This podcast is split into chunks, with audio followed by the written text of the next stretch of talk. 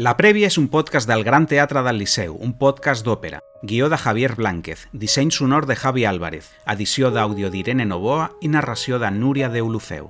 En aquest capítol parlarem de Seven Deaths of Maria Callas, un projecte de l'artista Marina Abramovic que gira a l'entorn del mite de la cantant d'òpera més aclamada del segle XX, la divina Maria Callas, Estrenada l'any 2020 a Munic, a l'Òpera de Baviera, aquesta producció se situa en un espai intermedi entre l'òpera com a vehicle narratiu i com a marc integrador de diferents arts, i especialment els nous formats escènics d'avantguarda, com la instal·lació i la performance.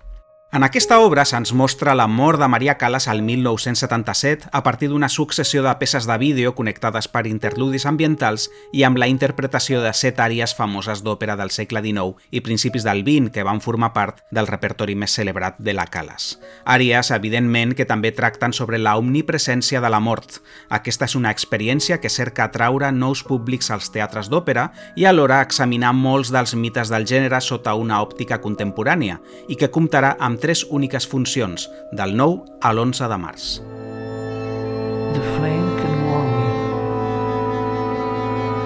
or burn me. It can light my way or be my guide. La primera qüestió que es planteja Seven Deaths of Maria Callas és la següent. És una òpera o és una altra cosa? D'una banda, el que veurem al Liceu té tots els ingredients de l'òpera. És evident que hi haurà una integració de diferents arts tradicionals i d'avantguarda, en un marc escènic on es desenvolupa una història. I tot això a partir de l'expressió musical, el cant, la paraula i l'actuació. Però alhora, Seven Deaths of Maria Callas no és una òpera, com a mínim no en el sentit tradicional, ja que es podria entendre també com una deconstrucció dels elements centrals del gènere, per donar forma a un altre llenguatge expressiu. I així, gràcies a aquest llenguatge, se'ns convida a reflexionar sobre temes com la mort, l'oblit, les passions, el pas del temps i també sobre el futur de l'òpera com a mitjà artístic. Marina Abramovic és una prestigiosa artista sèrbia de performance, nascuda el 1946 i que suma més de quatre dècades de trajectòria – cosa que li ha confirmat com una de les creadores més singulars i atrevides del nostre temps. Amb el format de Seven Deaths of Maria Callas, a més, Abramovich se'ns presentarà en una de les rares ocasions en què exerceix el seu treball davant del públic. Això és important aclarir-ho, perquè el teatre no ha estat mai el seu medi natural.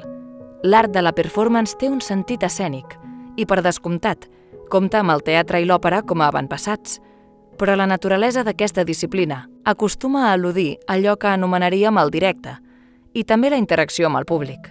Per exemple, Abramovich ha treballat contínuament amb conceptes com el dolor i el patiment, la fragilitat del cos i l'abatiment després d'una ruptura amorosa, però gairebé sempre en propostes pensades per a formats com el videoart, la instal·lació en una galeria d'art o el happening. És a dir, quan s'executa l'obra pot passar que es desenvolupi quan el públic no hi és present, o encara que hi hagi públic, aquest no sigui conscient que està participant en una creació artística. En altres ocasions, el públic s'ha de conformar directament en veure l'obra en diferit, sense la presència de l'artista, com passa amb el videoart. A Seven Deaths of Maria Callas, no obstant, hi haurà públic i l'actuació serà en directe. Potser no podem dir que és una òpera, però sens dubte sí que seria una cosa així com una instal·lació en viu en un teatre i que ens proposa una representació de la mort de Maria Callas en diferents escenes oníriques amb la presència d'Abramovich a l'escenari. L'obra, que dura uns 90 minuts sense interrupció, està dividida en dues parts amb una introducció i un intermedi. A la primera part, Maria Callas somia el seu llit de mort amb els seus millors moments de l'òpera – i es representaran set àries famoses a càrrec de set cantants diferents, que també són actrius a la segona part de la producció.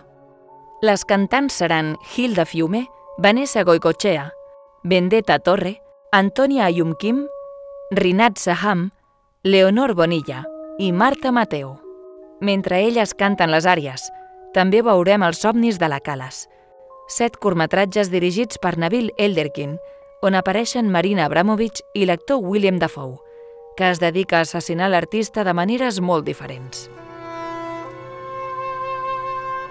Un cop conclou la primera part, passem a la segona, on es representarà la mort real de Maria Callas a París, el 17 de setembre de 1977, un dels moments més tràgics de la història de l'òpera del segle XX. Sobre la mitologia d'aquest esdeveniment, en Javier ens aporta ara més informació.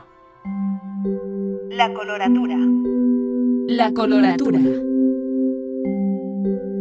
A la història de Maria Callas conflueixen l'excel·lència artística i la tragèdia, la fama en l'art i el fracàs en l'amor, i aquesta barreja d'ingredients hiperbòlics és la que ha fonamentat el prestigi de la cantant d'origen grec com el mite més gran de l'òpera del segle XX i potser de tota la història. Per a qualsevol aficionat a l'òpera, la Callas és una presència viva i inqüestionable, però imaginem que ningú que ens estigui escoltant ara en sap res d'ella. Fem-nos, per tant, una pregunta. Per què va ser tan important Maria Callas i per què el seu mite la sobreviurà eternament? Hi ha, per una banda, un element purament musical, absolutament artístic. Callas cantava com els àngels. Va començar la seva carrera com a cantant professional a principis dels anys 40 del segle passat a Atenes, d'on provenia la seva família, encara que ella havia nascut a Nova York i tenia la nacionalitat d'Estats Units. En els seus inicis va destacar gràcies a la reunió de diverses virtuts. Tenia una veu vella, una tècnica de cant excel·lent, amb una capacitat de respiració que li permetia lligar les frases fins a assolir línies melòdiques i colors sublims, i a més no només cantava, sinó que afegia matisos interpretatius molt creïbles a les seves àries.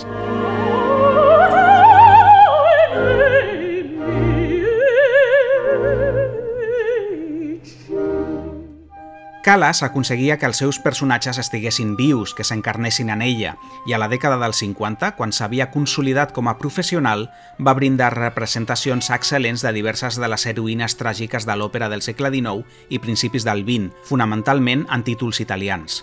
Va portar al més alt nivell rols com Tosca, Norma, Madama Butterfly, Lucia di Lammermoor o Violetta Valeri, la protagonista de la Traviata. Callas era una cantant amb grans capacitats i fins i tot va arribar a cantar rols wagnerians com Isolda o Brunhilde, però on rendia millor eren el repertori líric del bel canto. El seu apogeu com a cantant va coincidir amb una etapa de recuperació del repertori més apassionat de la primera meitat del segle XIX i va ser l'emperadriu absoluta entre una fantàstica generació de grans dives. La seva rivalitat amb Renata Tebaldi, per exemple, encara que s'ha magnificat, també forma part del mite de Maria Callas, així com les seves relacions tenses amb directors de cinema i òpera com Luchino Visconti, Pier Paolo Pasolini o Leonard Bernstein. Va ser Visconti, per exemple, qui va obligar la Callas a aprimar-se 40 quilos per poder treballar en una de les seves produccions. Però la seva llegenda no és exclusivament operística. Maria Callas va emergir en una època en la que la cultura de masses del segle XX s'estava convertint també en una fàbrica de mites en diferents àrees creatives o socials, com ara el cinema, la cançó pop o la política. Callas, que acompanyava la seva fragilitat emocional en escena amb una figura estilitzada i una cara esmolada i harmoniosa, després d'acceptar les exigències de Visconti, també es va convertir en una persona buscada per les primeres revistes del cor i desitjada com a mite sexual. En definitiva, tenia una legió de fans, la seva vida privada era d'interès per a un públic ampli i l'episodi més intens de la seva biografia segurament va ser el seu idili amb l'armador multimilionari i playboy grec Aristòteles Onassis, l'home més ric del món i per qui va estar a punt d'abandonar la seva carrera com a cantant lírica per formar una família. Però aquell romanç es va trencar. Onassis va abandonar Callas, es va refugiar als braços d'una altra dona tràgica com va ser Jackie Kennedy, la vídua del president dels Estats Units John Fitzgerald Kennedy, i des de llavors la vida amorosa de Callas no va remuntar. Els seus darrers anys els va passar com la protagonista de la Traviata, sola i abandonada a París. Amb el cor trencat, incapaç de reprendre la seva carrera com a cantant al nivell en què l'havia deixada i sense esperances, va morir al final de l'estiu de 1977 d'una sobredosi de somnífers. Tenia 53 anys. La seva mort, equiparable a la d'Elvis Presley, James Dean, Grace Kelly o Janis Joplin, va assagejar el seu destí dins la cultura popular del segle XX. Havia mort una cantant increïble i havia nascut un mite incombustible. I d'aquesta mort i d'aquest mite és del que tracta aquesta obra de Marina Abramovich.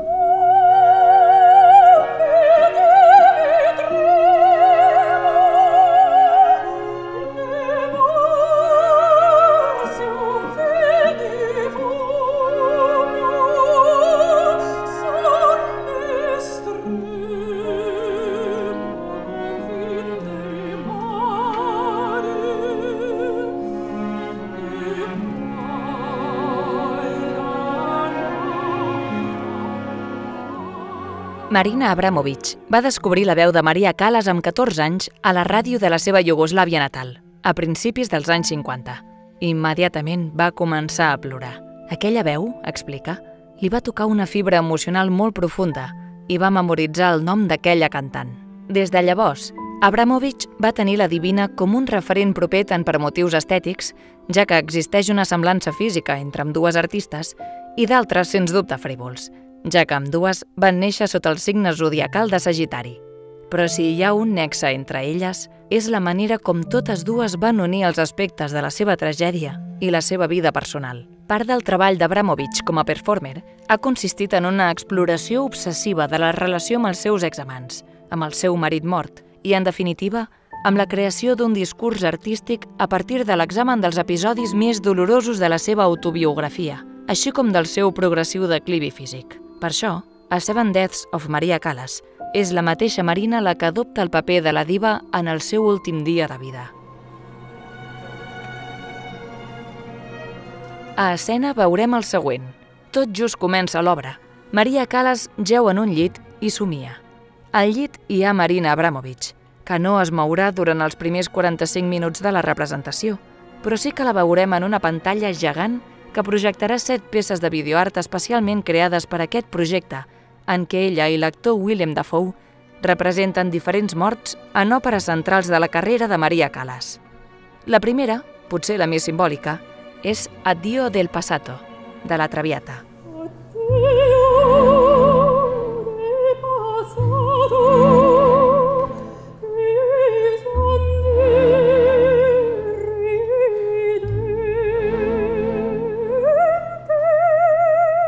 Continuació, vindran àries i escenes de Desdèmona a l'Otelo de Verdi, la súplica a Déu de Tosca a l'òpera de Puccini, el lament d'enyorança de Chio Chio San a Madama Butterfly, l'ària de la bogeria de Lucia Ashton, a Lucia di la Mermor, i finalment, Casta Diva, el moment central del paper de Norma a l'òpera de Bellini.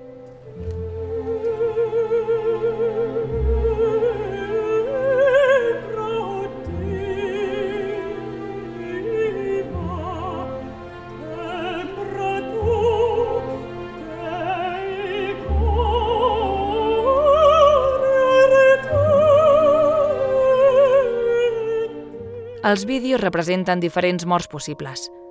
La mossegada d'una serp, una negligència mèdica, una exposició a la radioactivitat, el salt suïcida des d'un edifici o una mort per arma blanca en una plaça de toros.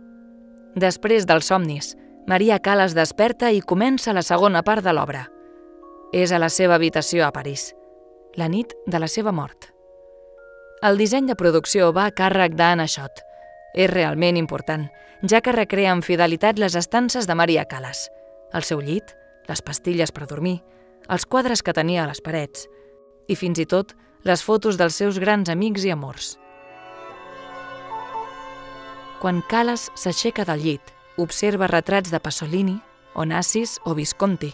Després observa el món exterior a través d'una finestra. Vaga com una ànima en pena. I finalment, travessa una porta. La sortida és la mort. Quan Callas ha abandonat el dormitori, set criades, que són les set sopranos que han interpretat les àries a la primera part de l'obra, procedeixen a fer el llit i a netejar. Una posarà un disc de vinil i sonarà Casta Diva, cantada per Callas en la seva època de plenitud. Aleshores, Abramovich torna a l'habitació i les dues divas es reuneixen finalment al mateix espai.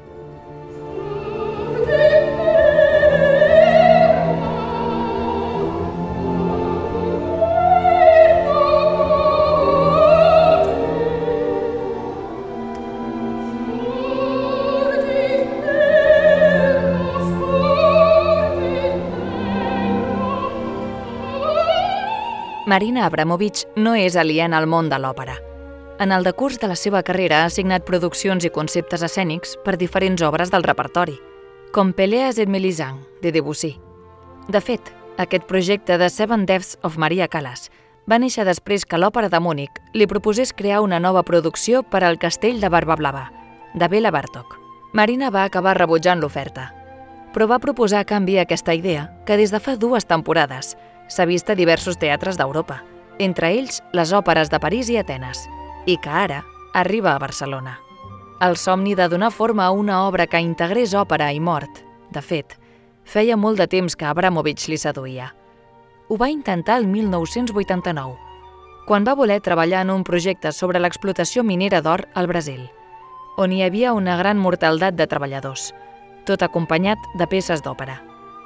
Més tard, a finals dels anys 90, es va proposar crear una peça de videoart que tractés sobre set escenes de mort i sacrifici. Aquelles dues idees no van quallar, però van ser les que van preparar el terreny per al concepte de Seven Deaths of Maria Callas. Abans d'això, Abramovich havia treballat amb el director d'escena Robert Wilson a The Life and Death of Maria Abramovich, una versió operística de la seva pròpia vida, en què també va participar William Dafoe i que es va poder veure al Teatro Real de Madrid. Aquesta és, doncs, la gran instal·lació de la performer al voltant de les idees de la mort i l'òpera. Un treball que té un element afegit, que és la música nova que articularà el començament, les transicions entre àrees i tota la seqüència onírica, i que ha escrit el compositor serbi Marko Nikodievic. Al principi, la música que sona és una capa microtonal amb timbres aspres que el compositor ha definit com a seqüències nebuloses, sobre les quals sona una veu en off que ens situa cada una de les escenes de mort i que remet a diferents escoles musicals relacionades amb les textures ambientals. Ja sigui la música electrocàustica de Luciano Berio o Karl-Heinz Stockhausen, l'ambient desorientat de Phoenix Twin o els tons sostinguts i repetitius. El resultat, una barreja d'òpera clàssica, música nova, creació visual, performance, art del cos i la barreja de mite biografia i somni. És el que fa d'aquestes set morts de Maria Callas una obra singular. Potser no és una òpera ortodoxa, ni tan sols una òpera com a tal, però en un recinte de la majestat i la dimensió del Gran Teatre del Liceu, es converteix en una obra imponent que cerca, com hem dit, reflexionar sobre la llegenda de Maria Callas, la presència constant de la mort i, per tant, la recomanació d'aprofitar el nostre temps en aquest món perquè no tots podem ser llegendes, però sí, com a mínim, gaudir de la creació per enriquir la nostra sensibilitat i els nostres punts de vista sobre l'art i la vida.